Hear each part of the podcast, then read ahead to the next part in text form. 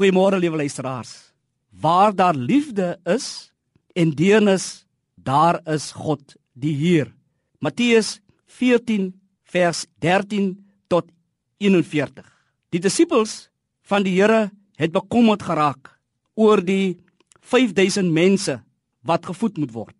Al uitweg was om hulle weg te stuur sodat hulle vir hulle self kos kan gaan voorsien. En tot hulle verbasing stel Jesus hulle tot die uitdaging dat die verantwoordelikheid vir die mense se behoeftes nie hy is as die Vader nie, maar dat dit hulle as disippels se verantwoordelikheid is om vir die 5000 mense in hulle behoeftes te voorsien.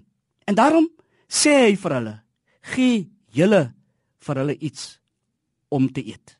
Hierdie stikkende samelewing wat so in pyn verkeer, het God se liefde en deernis so broodnodig.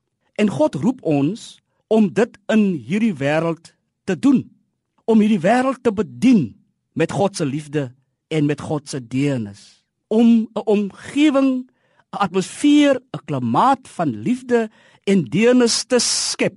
Daarom lees ons in die evangelies en die lig skyn in die duisternis en die duisternis het dit nie oorweldig nie. God is op weg deur die wêreld wat hy liefhet. Sy opstanding is steeds 'n werklikheid en dit beteken dat God vandag nog op hierdie weg is in hierdie wêreld. Die kerkvader Karel Barth het by geleentheid geskryf: Die Gees het die kerk bevry om betrokke te wees in die wêreld. Die Gees van God het die kerk gelei tot haar God gegeewe verantwoordelikheid teenoor die wêreld, teenoor mense in pyn en lyding.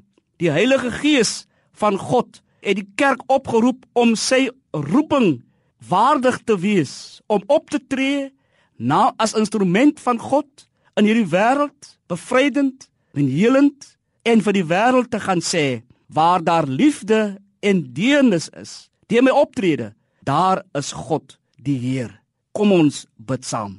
Ons loof en ons prys U dat U deur al die donker tye getrou en onveranderlik is. Ons harte loop oor van dankbaarheid dat U steeds U helpende en helende hand uitsteek na hulle wat versla en gebroke van hart is.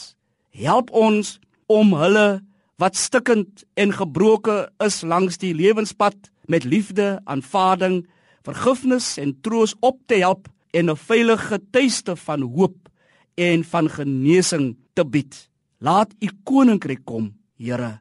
Amen.